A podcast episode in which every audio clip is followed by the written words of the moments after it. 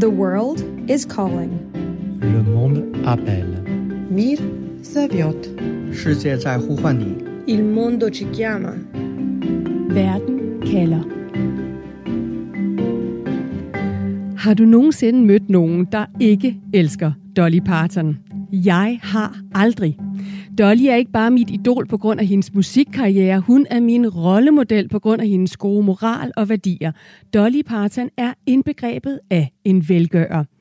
Sådan lyder hyldelsen til USA's country dronning, da Dolly Parton sidste år blev udråbt som en af USA's mest indflydelsesrige personer. Det er sangstjernen Miley Cyrus, der skriver ordene i Times Magazine. Så hvordan gik det til, at kvinden, der siger, at hendes udseende er inspireret af hendes landsbys luder, i dag bliver tilbedt som en helgen verden over? Det skal det handle om i denne sommersærudgave af Verden kalder, hvor jeg spørger, hvem er Dolly Parton, og hvordan har hun ændret verden? I dag rejser vi til Nashville i Tennessee. Vi banker på hos den blonde, barmfarver country-legende, der udover at sætte rekord som kvinden med flest country hits og skabe et forretningsimperie, der er over 350 millioner dollars værd, også har doneret millioner væk til uddannelse og for nylig til forskning i for eksempel coronavacciner. Jeg hedder Stine Krummernd Dragsted. Velkommen til Verden kalder Dolly Parton, en særudgave af programmet, hvor vi altså hen over sommeren bliver klogere på, hvordan nogle af verdens berømte rige mennesker bruger deres indflydelse. Vaccine, vaccine, vaccine, vaccine. I'm begging of you, please don't hesitate. Vaccine, vaccine, vaccine, vaccine. Cause once you're dead, then that's a bit too late. Og til lyden af Vaccine, altså en lille parodi på Dolly Partons måske største hit, Jolene, så kan jeg præsentere mine tre gæster, som skal hjælpe os med at lære Dolly Parton meget bedre at kende. Thomas Ervold Bjerre, lektor i amerikanske studier ved Syddansk Universitet med stor interesse for, hvordan Dolly Parton som historiefortæller har påvirket samfundet. Christina Willersen, journalist og countrymusikelsker, og Evelina Gold, også journalist og countrymusikelsker, som sammen med Christina har podcasten Lady of Folks. Velkommen til alle sammen. Tak skal du have. Tak. Tak. Dolly Parton er jo en kvinde, som er blevet kaldt mange ting. Hun er blevet kaldt talentfuld, billig, positiv, ydmyg. Så jeg kunne godt tænke mig at høre, og jeg ved godt, at to ord er let, men hvilke to ord I synes beskriver Dolly Parton bedst? Hvis jeg starter med dig, Christina. Jeg vil sige, som menneske vil jeg kalde hende næstekærlig, og som kulturelt ikon vil jeg sige, hun er samlende. Så næstekærlig og samlende, hvis det skal være to ord. Og Thomas, hvis du har to ord til at beskrive Dolly Parton, hvad vælger du så? Øhm, entreprenant og historiefortæller. Og Evelina, hvilke to ord synes du indfanger Dolly Parton allerbedst? Så tror jeg, jeg vil vælge ægte og autentisk. Lige om lidt, så skal vi en tur til Nashville, Tennessee, countrymusikkens hovedstad, hvor Dolly Parton altså bor. Men allerførst så skal det handle om, hvad kvinden, der voksede op ludfattig, uden rindende vand og med tøj syet af kornsække, hvordan hun endte som dronningen af country, og hvad hun har brugt sin indflydelse og sin rigdom til.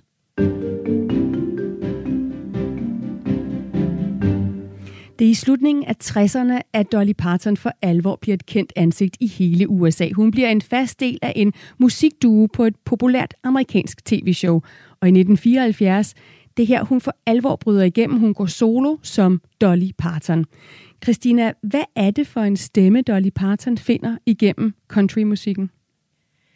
Den stemme, hun finder gennem countrymusikken, er egentlig præget af den opvækst, som du også selv kommer ind på der. Altså hun kommer af de her fattige kår, så der er hendes musik præget af dels den musik, hun har hørt, hendes mor spille for hende. Øh, de var øh, 12 søskende, så der var ikke øh, tid til så meget andet end at arbejde, som hendes far gjorde, men moren sang sange, og de sange tager hun med sig. Samtidig er hun præget på den måde, at de historiefortællinger, de mennesker, der er i samfundet, de historier tager hun med sig, og dem synger hun sange om. Og så er hun jo, altså musikken har været i blodet hos hende altid. Hun får sin første guitar af sin onkel som syvårig, står på en scene første gang som 13-årig, og kommer med i det her The Porter Wagner Show, som du selv nævner, da hun kun er øh, 18 år gammel, eller 20, nu bliver jeg lidt i tvivl. Men lige der omkring, så det er simpelthen, hendes stemme af country er det, som der er indbegrebet af countrymusik. Det er det ægte, det er det autentiske, og det er historier om mennesker. Og det er det, hun ligesom står på ryggen af, og det hun holder med sig igennem hele sin karriere. Og Thomas, hvilken rolle er det, at country spiller i USA? Altså, hvem er det, at Dolly hun taler til gennem sin musik?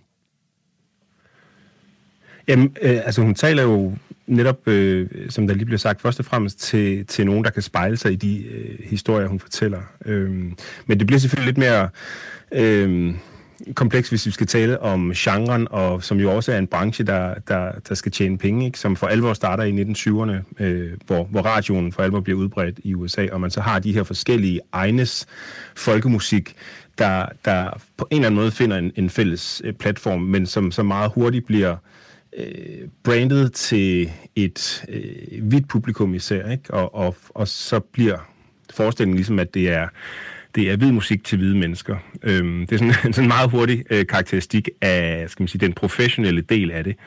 Nu bliver det sagt autentisk, altså at det, det, så, det er en del af countrymusikkens, måske den stærkeste brand, ikke? At, den, at der er sådan en direkte kobling til det ægte USA igennem countrymusik.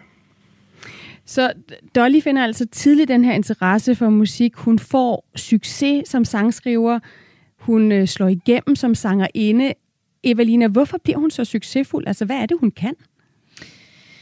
Hun kan mange ting og formår at kombinere mange ting, men hun, øh, hvis man skal se på hendes øh, karriere fra start til slut, så, så formår hun jo at, at, øh, at forblive sammenhængende i, hvad hun siger og hvad hun gør øh, og bevare forbindelsen, øh, øh, altså ydmygheden til, øh, i forhold til sin baggrund, og forbindelsen til den og til sine rødder. Øh, og så er hun jo sådan øh, advokat for, øh, for de underprivilegerede. Øh, det er hun jo fra start, hvor hun synger om øh, rigtig meget om kvinder. Kvinder, der øh, får illegale aborter, kvinder, der bliver slået ihjel i murder ballads, som er sådan en undergenre øh, i countrymusikken, eller i den gamle old-time musik. Så hun, hun formår at være øh, sammenhængende. Øh, jeg kan godt lide at sige, at hun er, øh, det kommer vi ind på senere, men hun er øh, apolitisk i sine ytringer, men faktisk meget politisk i sine handlinger, fordi hun både i sin øh, sangskrivning, men også i sin velgørenhed, altid har været de underprivilegeredes fortaler og advokat. Og så blev hun jo også kendt for den her meget varme og positiv udstråling, og, og, og de her glade farver, og, og en, en sådan let tilgang til livet, selvom, som du siger, mange af hendes sange handler om kvinder, der bliver brugt, der bliver forsømt, der bliver udskammet, og, og også om voldelige og dobbeltmoralske mænd. Thomas, du siger, at Dolly Parton først og fremmest er historiefortæller. Prøv du at sætte nogle ord på, hvad det er for en historie, du synes, hun fortæller.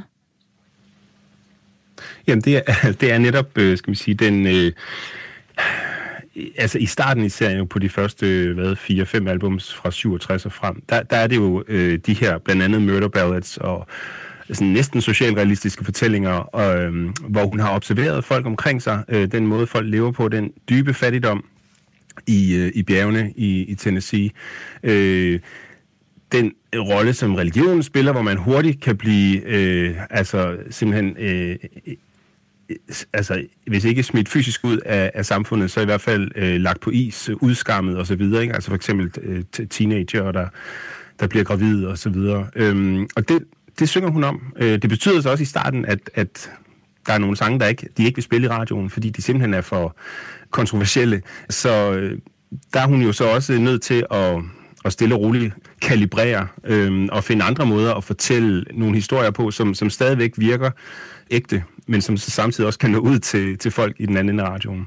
Det, det hun ligesom bygger øh, starten af karrieren på, er de her øh, historier, som både har et ben i, i, ja, i virkeligheden, det hun oplever, og så samtidig trækker på nogle af de her mere mytiske øh, traditioner, altså øh, valisiske ballader, hele, hele, hele folkemusiktraditionen.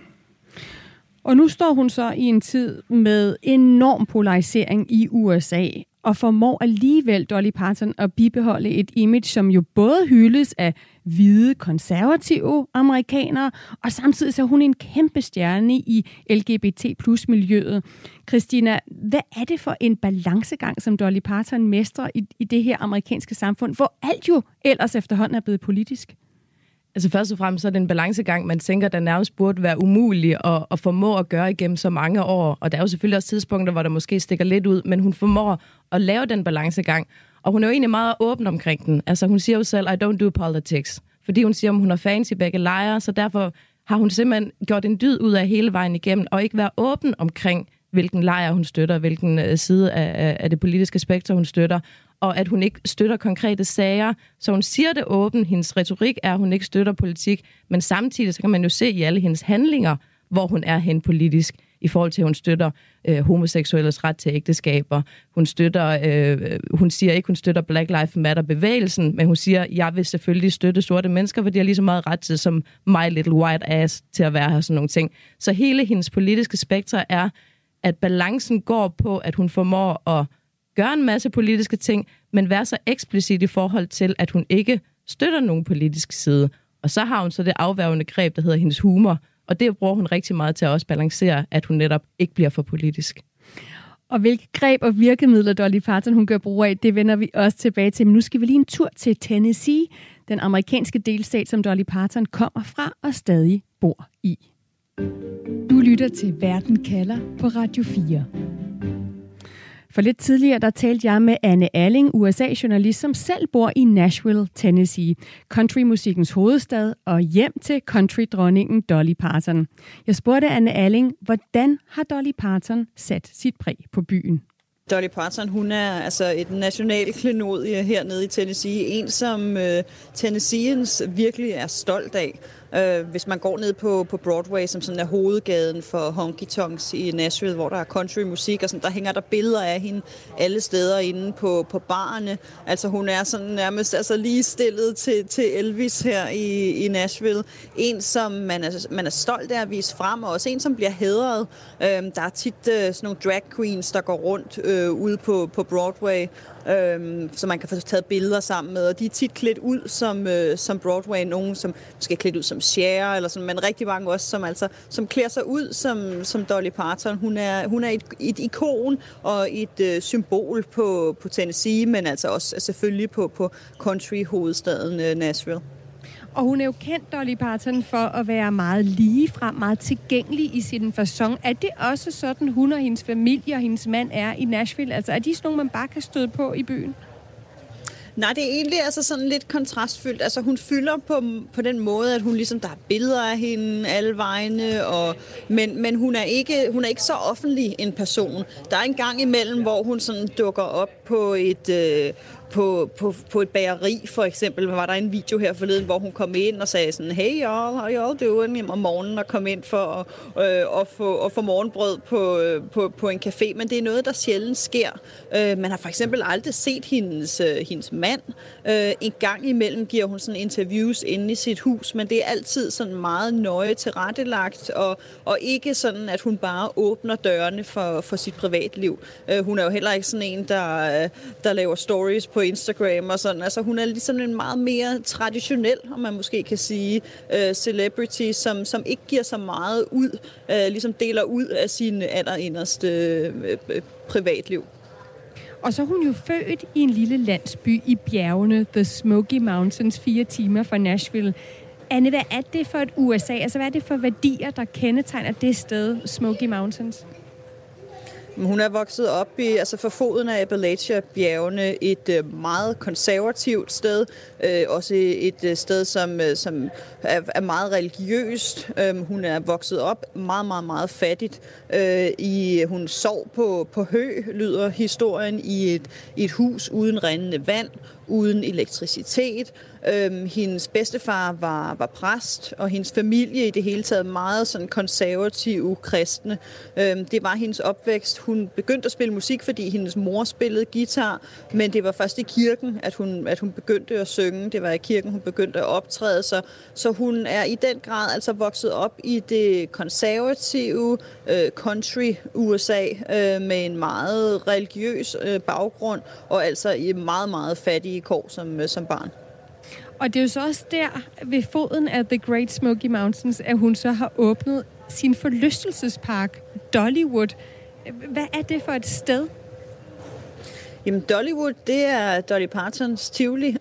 Det er sådan et familiested øh, oppe i, op i Smoky Mountains her i, i Tennessee med forlystelser, restauranter. Altså en, en god, traditionel øh, forlystelsespark, hvor man også kan komme og, og bo på både hotel. Øh, hun har sit eget hotel deroppe, og man kan bo i sådan træhytter.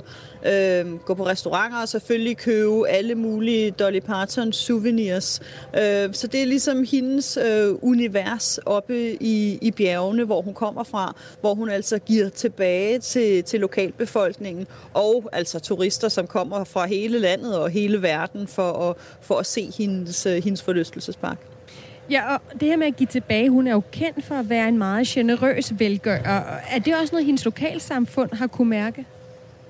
I den grad. Øhm, der var nogle store skovbrænde i Smoky Mountains for et par år siden her i, i Tennessee, hvor rigtig mange huse øh, blev ødelagt. Og der kom øh, Dolly Parton ud efterfølgende og gav penge til familier til enten at blive genhuset eller genopbygge deres huse. Og det er det hele taget noget, hun, hun gør meget, altså at give tilbage til sit lokalsamfund. Altså denne her pige, som øh, voksede op som meget, meget, meget fattig, og nu er flere milliarder dollar værd. Hun giver tilbage til, til lokalsamfundet, både her, da hun betalte, øh, betalte for genopbygning af huse, men vi har også set hende, altså hun har doneret til, til uddannelse, øh, også til, øh, til dyrevelfærd i, i Tennessee. Så det er, det er noget, hun er kendt for, øh, og noget, hun også får enormt stor ros for at gøre.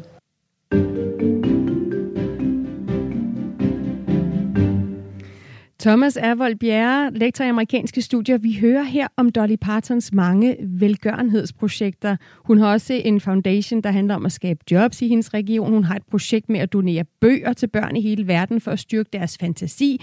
Og så har hun doneret mange penge til coronaforskning her på det sidste. Men det er jo ikke lige noget frem, hun, hun skilter med, altså at hun er den store velgører. Thomas, hvad er det for et værdisæt, der ligger bag øh, den her velgørenhed, som Dolly Parton hun involverer sig i?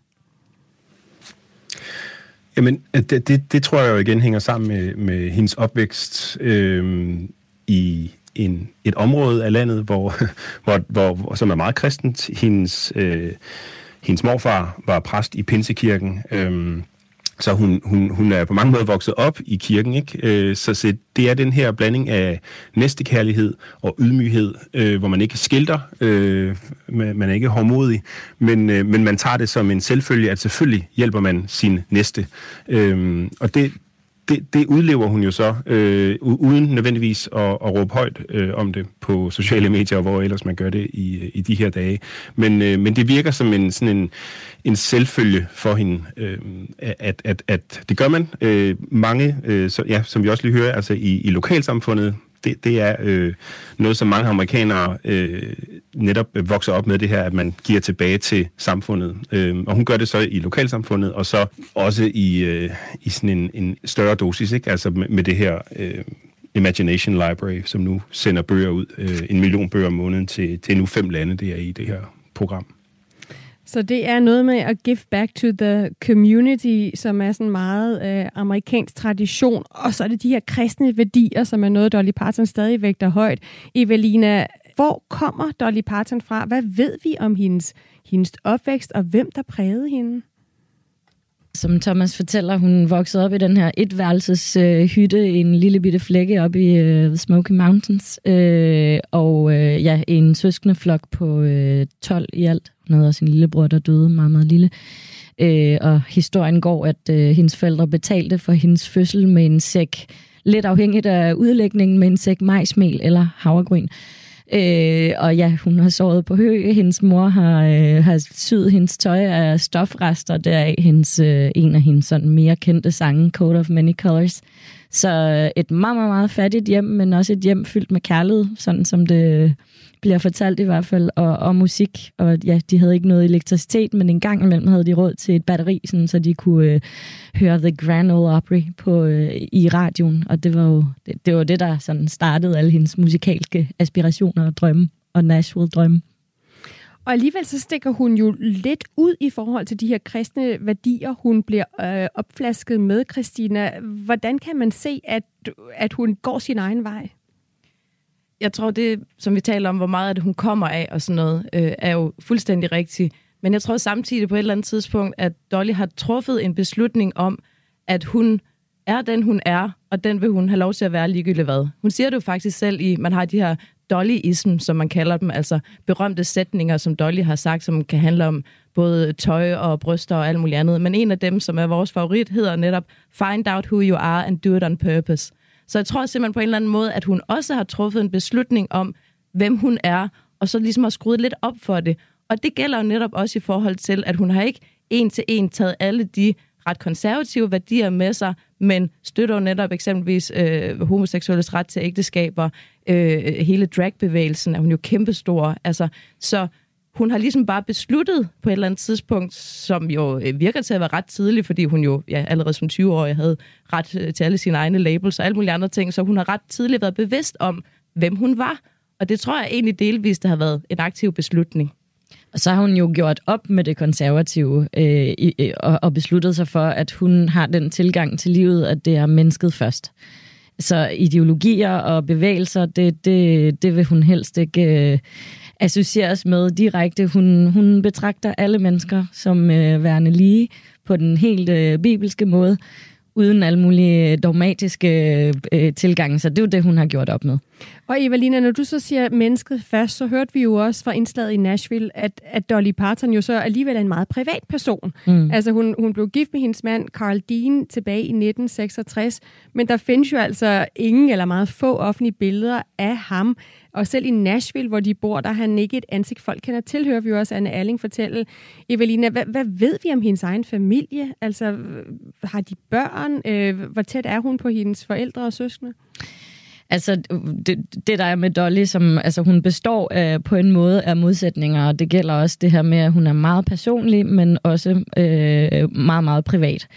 Øh, altså, historien går, at øh, hun en gang i deres unge dage havde Carl Dean, øh, manden der, øh, med til et eller andet offentligt øh, arrangement, og så sagde han, honey, du skal have stjernerne, du skal have månen, jeg elsker dig for evigt, men du slipper mig simpelthen aldrig igen med til sådan et her arrangement. Og det har hun så heller ikke gjort. Han har fået lov at gå og passe sit øh, asfaltfirma i fred. Øh, og så har der jo været, altså en gang mellem poster hun billeder af dem på, på sin Instagram, og de blev også øh, gengift, øh, da de havde været gift i 50 år. Der kommer også nogle øh, officielle billeder ud, så, så en lille smule har der været. Øhm, og i forhold til sine forældre, der har hun jo, og søskende, der, der er det mere gennem sine sange, at hun netop har fortalt historien om den her kærlige mor, der formået at, at, at sy en frakke ud af ingenting og, og spille musik. Og hendes onkel har spillet en meget, meget stor rolle for, for hendes øh, musikalske karriere. Øh, historien er, at hendes første guitar lavede hun selv ud af en gammel mandolin og nogle bassdrenge og sådan noget som syvårig, tror jeg. Og da hun så fylder 8, der får hun en rigtig guitar af sin onkel. Og det er faktisk også onklen, hun senere hen laver sådan et publishing company med, som gør, at hun som meget, meget som 20-årig, tror jeg, ejer rettighederne til alle sine sange. Og det var også noget af det, der kendetegner hende, at hun fra start insisterer på, altså hun tror så meget på sit øh, talent, at hun insisterer på at holde fast i rettighederne. Så da Elvis kommer og gerne vil indspille I Will Always Love You, der er hun jo meget begejstret, men da han så siger, at han også lige skal have halvdelen af rettighederne til sangen, der takker hun pænt nej. Det er så en helt anden historie, men det var et klogt valg, ved vi jo nu, efter øh, Bodyguard og Whitney Whitney Houstons indspillingerne. Hun er en dygtig forretningskvinde, og det skal vi også dykke mere ned i. Jeg skal bare lige slutte af med det her med, med, med hendes familie, fordi hun er jo sådan en, som vi også hørte helt i starten, som mange ser op til, som mange ser som en eller anden form for, for moderskikkelse. Har hun nogen børn? Det er øh, offentligt kendt, at, øh, at Dolly Parton øh, har lidt af endometriose, så, så hun, hun kan simpelthen ikke øh, få børn, i hvert fald ikke øh, naturligt. Du lytter til Verden kalder på Radio 4. Om lidt så skal vi høre fra en fan, der faktisk har mødt Dolly Parton og blive lidt klogere på, hvordan man kan brande sig selv som en levende Barbie-dukke, mens man stadigvæk er autentisk og ægte. The world is calling. Le monde appelle. Mir Zaviot. 世界在呼唤你. Il mondo ci chiama. Verden kalder. Velkommen tilbage til Verden kalder, der i dag handler om Dolly Parton og hvordan hun har ændret verden. En del af vores sommersærudgaver af programmet, hvor vi bliver klogere på, hvordan nogle af verdens berømte og rige mennesker bruger deres indflydelse. I studiet er Thomas Ervold Bjerre, som er lektor i amerikanske studier ved Syddansk Universitet med stor interesse for Dolly Partons indflydelse, og Christina Villassen og Evalina Gold, som er journalister og country musikelskere, og sammen har podcasten Lady of Folk. Og en af dem, der har mødt Dolly Parton i virkeligheden, det er Anne Jørgensen.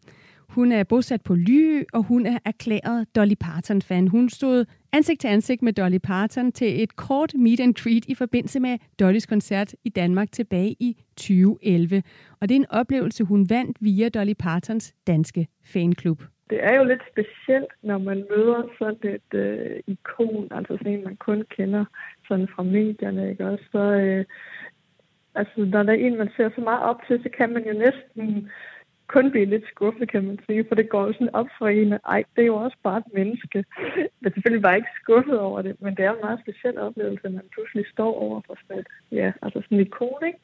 Øh, men altså, hun var jo super sød, og der var slet ikke noget der. Altså, du siger, det var et meget kort møde. Hvad skete der? Jeg havde jo vundet sådan et meet and greet, øh, og så var vi fem personer eller sådan noget, der, der skulle ind og møde hende, og så stod vi og ventede i tusind år, til, til hun så kom, og så blev vi så kaldt ind en af gangen, og så øh, kom man over til Dolly, og så fik man taget et billede sammen med Dolly, og så øh, udvekslede man måske bare lige et par ord, og så var det jo det. Trykkede du hendes hånd? Ja, og rørt, altså krammede hende også, tror jeg, og sådan, øh, vi fik da taget et billede, hvor vi sådan stod, hvad hedder det, med armene om hinanden og sådan, ikke? Det var, så jeg har, jeg har græmset lidt på Dolly, ja, det har jeg. Og hvordan føles Dolly så?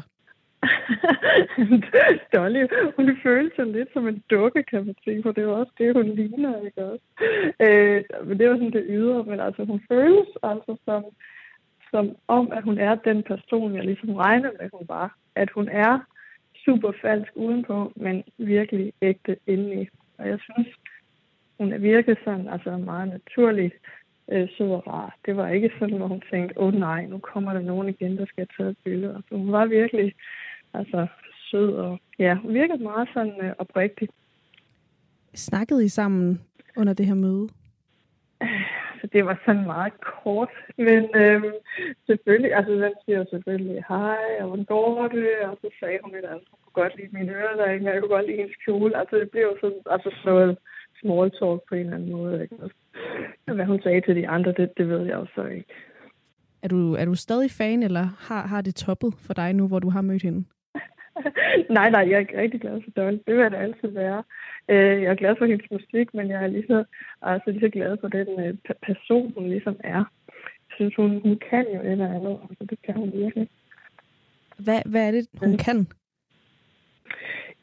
Jamen, altså, jeg tror, hun inspirerer på en eller anden måde, fordi Dolly, hun kommer jo virkelig fra, fra ingenting. Hun er jo født op i sådan en lille skud op i bjerget, og det var, tror 11 søskende, og altså, de havde jo ingen penge eller noget som helst. Så, og så, men hun vidste, hvad hun ville, og så gik hun efter det. Og så, øh, og så blev, altså hun kom fra ingenting, og hun blev til alting. Og det er da, det er da om noget et forbillede for alle mennesker, kan man sige, ikke også? Og så kan jeg godt lide det med, at altså, hun er sådan en stor kontrast, fordi hun ser jo så mega fake ud. Altså, men indeni, der tror jeg virkelig, hun er sådan en meget ægte, meget ægte person.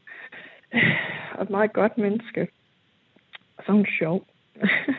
og så har hun rigtig meget selvironi, ikke også? Fordi hun joker mega meget om sit udseende. Hun ved jo godt, hun ligner sådan et cirkus, ikke også? Men det er jo sådan, hun godt kan lide at se ud. Og øh, og det er jo også noget, man kan lade sig inspirere af. Altså, man skal jo gå med det, man selv synes er fedt, og gå med det, man selv vil, og så ikke tænke så meget over, hvad alle andre siger. Er det så måske mere personen, der, der er vigtig for dig, end musikken, eller hvordan vægter du det? Ja, det er sådan half and half, altså sådan øh, lidt til, til personens side. Selvfølgelig så kan jeg rigtig godt, altså jeg kan godt lide musikken, altså jeg vil godt lide musikken, og den er jo meget varieret. Hun har jo lavet mange forskellige slags, og der er jo også nogle budskaber i hendes musik. Det er jo ikke bare sådan noget klynke country. Så, men, men helt, helt sikkert, så er det jo altså personen, der, der ligesom inspirerer mig øh, mere end musikken gør. Det var altså Sara Birk Becker, der havde talt med Anne Jørgensen, som havde mødt Dolly Parton. Og Anne fortæller jo her, at hun siger, at Dolly Parton er en falsk dukke udenpå, ægte og god person inden i. Så lad os kigge på det brand, Dolly Parton har opbygget, og hvilke virkemidler hun bruger. Christina, prøv lige at forklare øh, den modsætning, vi også hører om her. Altså, vi har den her kvinde, der brander sig selv på et look, der er totalt konstrueret. Kroppen og brysterne og ansigtet er opereret øh, for at få store læber og smal talje. Ikke? Der er på rykker, der er påsatte negle, der er kunststof. Og så bliver hun hyldet for at være ægte og ærlig og autentisk. Hvordan hænger det sammen? Hænger jo sammen på den måde, at ligesom vi talte om tidligere, så er det jo noget, øh, Dolly selv har besluttet det her. Hun synes ægte, at det her det er det smukkeste, man kan være. Altså hun har jo selv sagt, at hun ikke nødvendigvis føler sig særlig smuk, når hun er naturlig, men er jo så blevet inspireret af det her look med de letlevende damer, de havde, fordi det var dem, der var glamourøse, når man var en lille country girl og kom ned i byen. Så hun synes vidderligt, at det er sådan her, hun føler sig smukkest. Så det er ikke et brand at være det. Det er der, hvor hun føler sig smukkest. Og samtidig har hun jo også selv sagt det, altså hendes mest berømte er jo, it costs a lot of money to look this cheap. Det var hendes mest berømte dollyism. Men hun har også sagt det der med, at det kan godt være, at jeg ser falsk udenpå, men jeg er ægte indeni. Så der er hele tiden, hun er meget bevidst om den her modsætning. Hun ved godt, det er sådan, men hun har jo også sagt, at det kan godt være, at jeg ser dum og blond ud, men jeg ved jo godt, at jeg hverken er dum eller blond i øvrigt. Så derfor ved hun jo også godt, at hun er benhård forretningskvinde. Hun ved godt, hvad hun kan. Hun har stået fast på sine rettigheder i forhold til labels og alt muligt andet siden en meget, meget ung alder.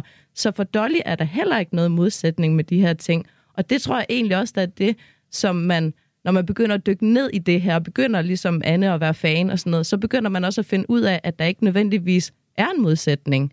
At det kun lidt er ved førstehåndsindtrykket, at man tænker, at der er en modsætning i det her. Evalina, har hun kunne bruge det her look til også at blive undervurderet, når hun nu faktisk har været så effektiv øh, som øh, forretningskvinde, og til at klare sig i den her country-branche, som jo om noget er meget mandsdomineret? Det tror jeg helt sikkert. Hun er, altså, hun er jo enormt afvæbnende øh, i sin måde at, at være meget selvironisk og, og, og meget humoristisk på. Øh, hun er meget nede på jorden og, og sådan virker ufarlig, men, men øh, hun er jo altså hun øh, er en klog kvinde. Øh, hun har også sagt på et tidspunkt i en eller anden pladebranche sammenhæng, pas lige på, fordi øh, jeg ligner rigtig meget en kvinde, men jeg tænker som en mand. Og det, hun mener med at tænke som en mand, det er, at hun har fuldstændig styr på, hvad hun ville og ikke ville, og hvad der skulle til for øh, øh, have øje for, øh, for sine drømme og holde fast i dem. Øh, og så har hun, øh, jeg tror, hvis man skal snakke om hendes familie, jeg tror, de har installeret et, øh, et solidt selvværd i hende. Altså hun siger selv, I'm not offended by all the dumb blonde jokes, because I know I'm not dumb, and I know I'm not blonde either. Altså, så hun, øh, hun ved, hvem hun er, øh, og, og derfor kan hun stå fast. Lad os lige høre også, hvordan hun fortæller om det en af hendes sange, Backwards Barbie, altså om hvordan hun voksede op netop blevet fattig, men ønskede at blive den her smukke kvinde, som hun så dem. I grew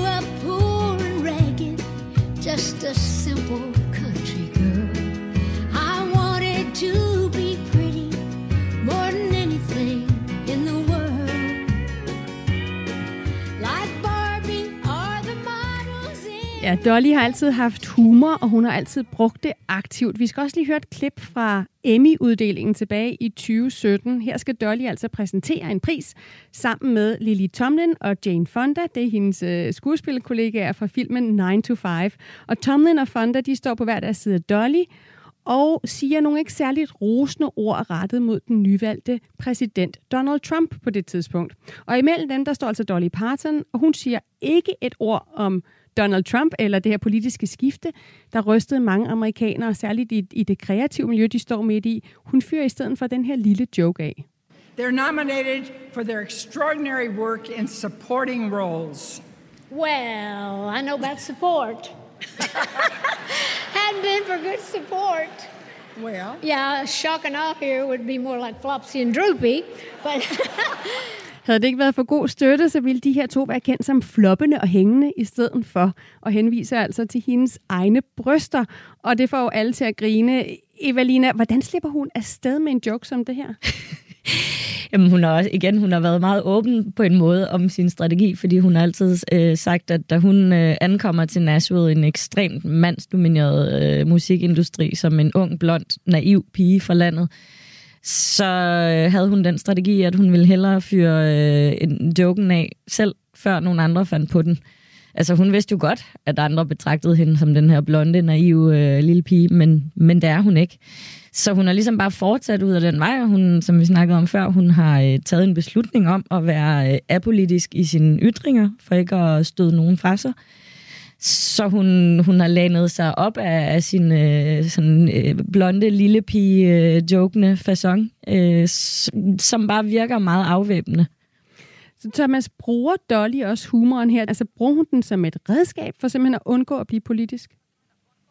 Ja, det er jo sådan en, en udvej, ikke? fordi Jane Fonda og Lily Tomlin, der står og harcelerer mod, mod Trump. Altså Jane Fonda får stadig mange øh, sådan øh, meget konservativ til at se rødt. Øh, det går tilbage til 70'erne og Vietnamkrigen og så videre. Ikke? Altså hun bliver betragtet som det, de kalder radical lefty. Så det er igen det her med, at Dolly gennem det meste af karrieren har formået at, at kunne gå den her balancegang, hvor, øh, hvor hun ikke skilter politisk med, med sit ståsted. Det er noget, hun bare kan det her med at, at fyre en joke af, og, og, og gerne om ja, sine bryster. Øh, men, men altså, hvis man ser klippet, det er tydeligt, at hun, hun træder lidt skridt tilbage, da de begynder, øh, Jane Fonda og Tomlin, på, altså at blive sådan aktivistiske nærmest, ikke? Og, og, øh, og så er det nærmest en second nature til hende, at rup, så, så fyrer vi lige en af de her jokes af, som, som altid plejer at virke, og så, øh, så gyder hun lidt olie på vandene. Så er der god stemning igen, og også den her med, at hun skal ikke være den, der er oppe på barrikaderne, som de andre to øh, kvinder. Thomas, på et tidspunkt i nullerne, der hyrer Dolly Parton så en ny manager, som rebrander hende. Hvad er det, der sker der i starten af 2000 for Dolly Parton? Ja, men ligesom mange andre øh, sådan af hendes generation, øh, altså inden for, for countrymusikken, de, de har det lidt svært med deres musikalsk identitet i 80'erne. Øhm, man kan også se det med Johnny Cash og nogle af de andre. Ikke? Altså, øh, så, så, så, øh, så laver de sådan en crossover. Det gjorde Dolly Parton også, for det blev poppet, og hun lavede musik med Olivia Newton-John og alle mulige. Og det betyder, at når man laver sådan noget crossover, som ja, Taylor Swift har også gjort det, ikke? gået fra country til, til mere poppet, øh, så, så udvider du din, din øh, fanbase. Og den begynder så at svinde igen, og hun, hun turnerer jo stadig rundt øh, her i øh, omkring årtusindskiftet, men, øh, men, øh, men ikke for, ikke for sådan fyldt øh, kæmpe sale. Øhm, og hun hyrer en ny manager, som, som øh, åbenbart øh, har fingeren på pulsen i forhold til at kunne bruge sociale medier osv. Og, og hun har jo, selvom, øh, selvom hun, på det her tidspunkt, at øh, skal man sige, mainstream-kulturen måske stadigvæk betragter hende som øh, jamen, den her blondine med store bryster, øh, som jo har lavet nogle gode sange, ikke? Altså, så, så har hun trods alt et brand, og hun har jo tusindvis af, af, af sange, hun har skrevet, ikke? Så, så ved at, at, at, at fokusere på hende netop som, som kunstner, som sangskriver, øh, og, og ikke bare som den her øh, billige joke, så lykkedes det at forvent, øh, eller skal man sige, skabe sådan et slags comeback. Øh, men altså det, så der er også en eller anden nostalgi i tidsånden på det her tidspunkt, hvor man sådan, gud ja, dem der grinede ved i 80'erne, men de kan jo faktisk noget, ikke? Altså vender tilbage til nogle af de tidlige sange og så videre. Og derfor så er det jo ikke øh, kun folk, der er vokset op med Dolly Parton, der elsker hende. Øh, der er også mange yngre fans, der er Dolly Parton. Elsker, som vi også hørte tidligere, Anne Jørgensen for eksempel. Og i USA, der får hun også øh, en eller anden form for revival med den her meget velproducerede, populære podcast, Dolly Partons Amerika. Christina, hvordan er det, hun formår nu at appellere til så mange generationer, også til de nye generationer? Altså, det gør hun på mange måder. Selvfølgelig er der, øh, som vi også har talt om, altså hendes sange er jo velskrevet, og de bliver ved med at kan blive lyttet til og sådan noget. Men hun er faktisk også ret god til at lave alle mulige andre ting. Altså hun laver tv-serier, hun laver film, hun har lige skrevet en bog, hun har lanceret en parfume. Altså hun er ret god til alt det der øh, branding rundt omkring. Øh, og så har hun for eksempel været med i den meget populære Hannah Montana, hvor hun var Aunt Dolly til Miley Cyrus, som jo er hendes guddatter i virkeligheden også. Så der er ligesom en, en yngre generation, som har begyndt at kende til hende via nogle andre medier. Hun er faktisk også øh, sjov på de sociale medier. Det kan godt være, at hun ikke øh, nødvendigvis laver så mange stories, men hun lægger stadigvæk en masse ting op. Hun har lavet et, øh, et, øh, et hashtag, der gik øh, viralt, hvor hun har fire billeder, hvor hun ligesom præsenterer sig selv, som hun ville se ud, hvis hun skulle på øh, LinkedIn, Facebook, øh, Tinder og Instagram, som gik viralt, og folk efterlignede. Så hun forstår, om det så er hende, eller det er Danny Nocell, hendes manager, eller hvem det var, ja, men hun forstår i hvert fald de virkemidler, som de unge også synes, der er spændende. Så der er en generation, der kender hende for forskellige ting, og så forstår hun også den humor, der ligesom florerer på de sociale medier. Du lytter til Verden kalder på Radio 4. Vi har været lidt omkring det, men Dolly Parton undgår så vidt muligt at blive politisk.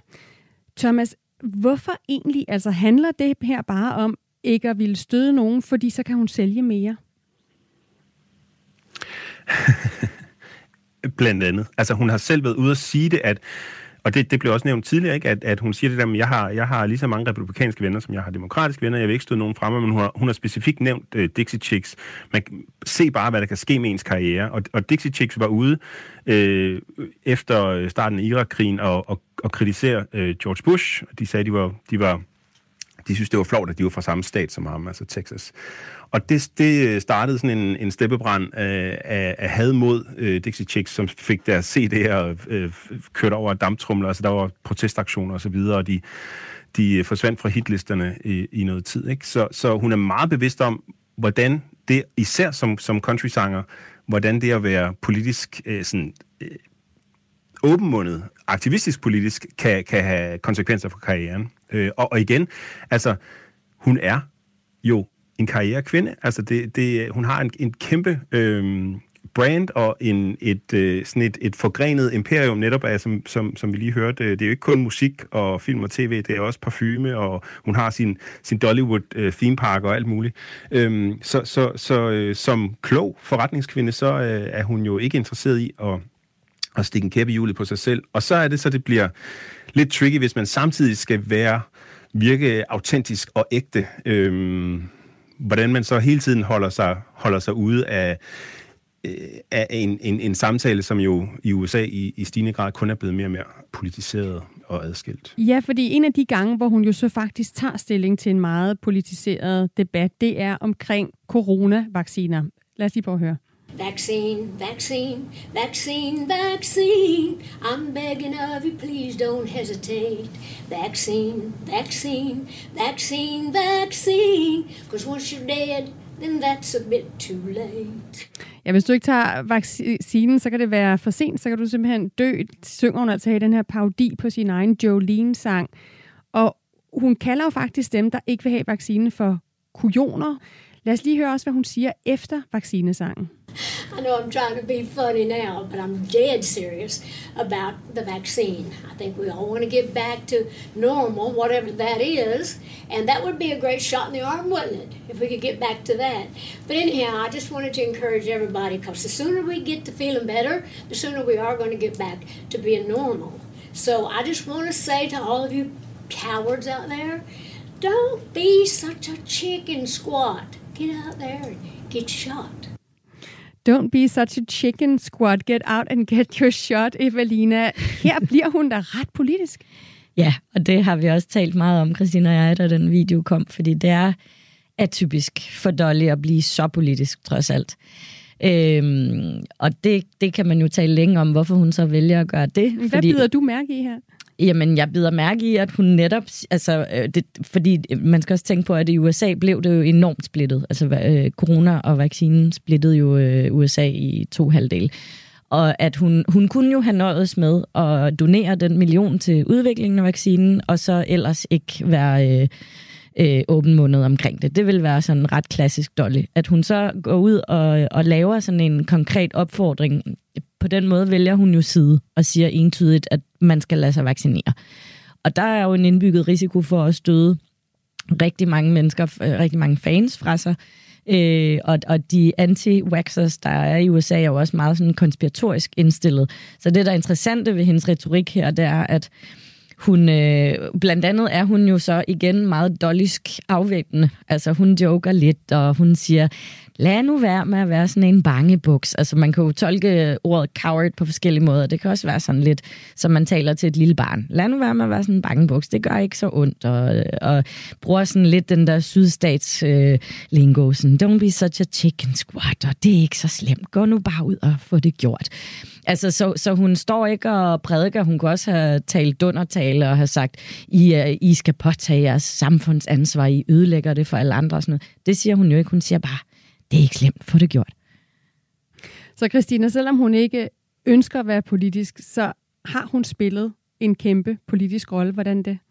Hun spiller en kæmpe politisk rolle. Altså, og hun er politisk, om, hun er ikke politisk i sin retorik, men hun er politisk i sine handlinger hele vejen igennem. Og selvom hun ikke er det i sin retorik, så, som vi taler om, så er hun det også nogle gange alligevel, og netop ude at støtte, støtte homoseksuelle ægteskaber åben, og, og har skrevet sange til, til film om, om drag queens og alt muligt andet. Så det er mere hendes handlinger, hun er det i. Altså netop øh, give penge til, til børn, som ikke kan læse, øh, støtte øh, drag queens, øh, sige de ting, hun så siger om, om Black Lives Matter.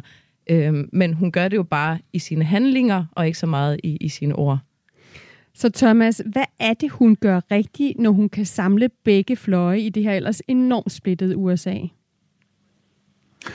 Jamen, jeg tror, jeg tror blandt andet, det skyldes, at hun at der er meget goodwill fra begge sider for det første. Ikke? Øhm, sådan de mere konservative er jo vokset op med hende, øhm, og, og, og man får jo ligesom det ud af det, man, man nu gør, ikke? Altså, øh, når, når der ikke er de der markante politiske budskaber, så, så kan man jo sådan tolke, hvordan man nu ved det, ikke? Øhm, så, så der er de her...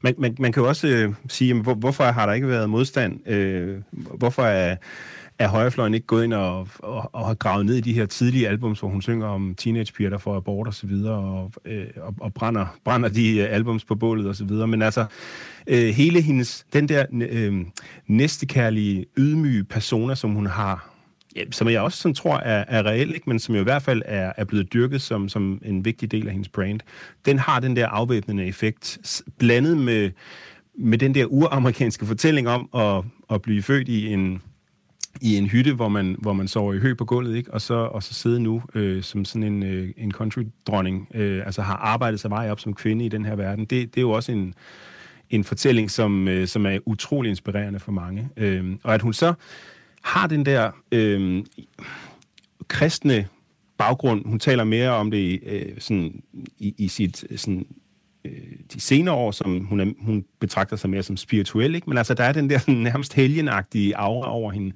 øh, som, som, som gør, altså I love everybody, øh, at, at, at det bliver svært at gå ind og, øh, og sådan for alvor øh, blive stødt, med mindre at, at, at man sådan kræver, at hun tager stilling. Ikke? Og det er der jo så også nogen, men, men øh, hun har altså været mere samlende i den her næstekærlige form, som hun ligesom har, har, har haft det meste af karrieren. Du lytter til Verden kalder på Radio 4. Lad os prøve at samle op og konkludere på, hvad vi nu ved om Dolly Parton i forhold til, hvordan hun har påvirket og ændret verden. Christina, hvis jeg skal starte med dig, og du ligesom skal samle trådene til, hvordan du vil beskrive, at Dolly Parton har ændret verden. Hvad siger du så?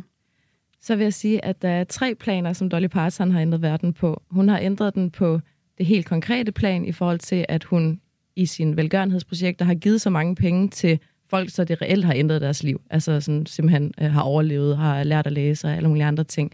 Så det er ligesom det helt konkrete.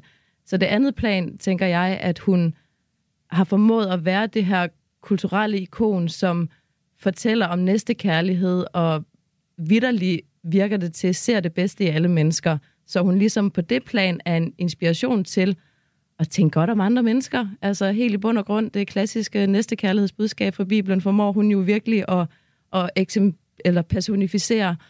Og så er det det tredje plan, at hun øh, efterlader os med en hulens masse fantastisk musik. Så Thomas, jeg ved ikke, om der er noget, du kan tilføje til den konklusion. Altså hvis du vil, vil sige også med den øh, tilgang, du har til at, at, at kigge på USA, hvordan du mener, at Dolly Parton er med til at have ændret ja, både USA, men også øh, verden? Jo, men altså, den der inspiration, som hendes personlige historie øh, skaber, vi hørte også fra, fra den her fan, der har mødt hende, ikke? Som, som jo er lige så inspireret af hendes egen fortælling end, end musikken. Ikke? Så, så, så det der med at, at starte lydfattig, og så ved hjælp af, af hårdt arbejde, og selvfølgelig også talent, kunne, kunne arbejde sig op. Og så altså hendes, hendes utrolige evne som historiefortæller, selvfølgelig også med gode melodier spundet på, men altså at, at kunne skabe fortællinger, øh, som almindelige mennesker verden over kan spejle sig i, og, og ligesom bygge videre på. Det har været vigtigt. Og Evelina, så får du det sidste ord, hvis du har noget at tilføje om, hvordan du synes, at Dolly Parton har ændret verden. det bliver svært efter øh, alt det, der er blevet sagt. Jeg er jo fuldstændig enig. Dolly har et, øh, et sidste S i ærmet, har hun selv sagt, fordi som noget af det sidste, Christina sagde, var, at hun efterlader os med nogle meget øh, udødelige sange, og Dolly vil gerne gennem sin kunst forblive udødelig, så hun har en eller anden plan for, at der ligger en masse sange, som aldrig er udkommet, som på en eller anden måde drøbvis skal udkomme, også når hun ikke er her mere. Sådan at hun simpelthen musikalsk bliver udødelig. Tak fordi I havde lyst til at være med. Thomas Ervold Bjerre, lektor i amerikanske studier, Christina Villersen og Evalina Gold, altså journalister og værter på podcasten Ladies of Folk, til at fortælle om, hvordan Dolly Parton har været med til at ændre verden. Tak for det. Tusind tak. Tak for det.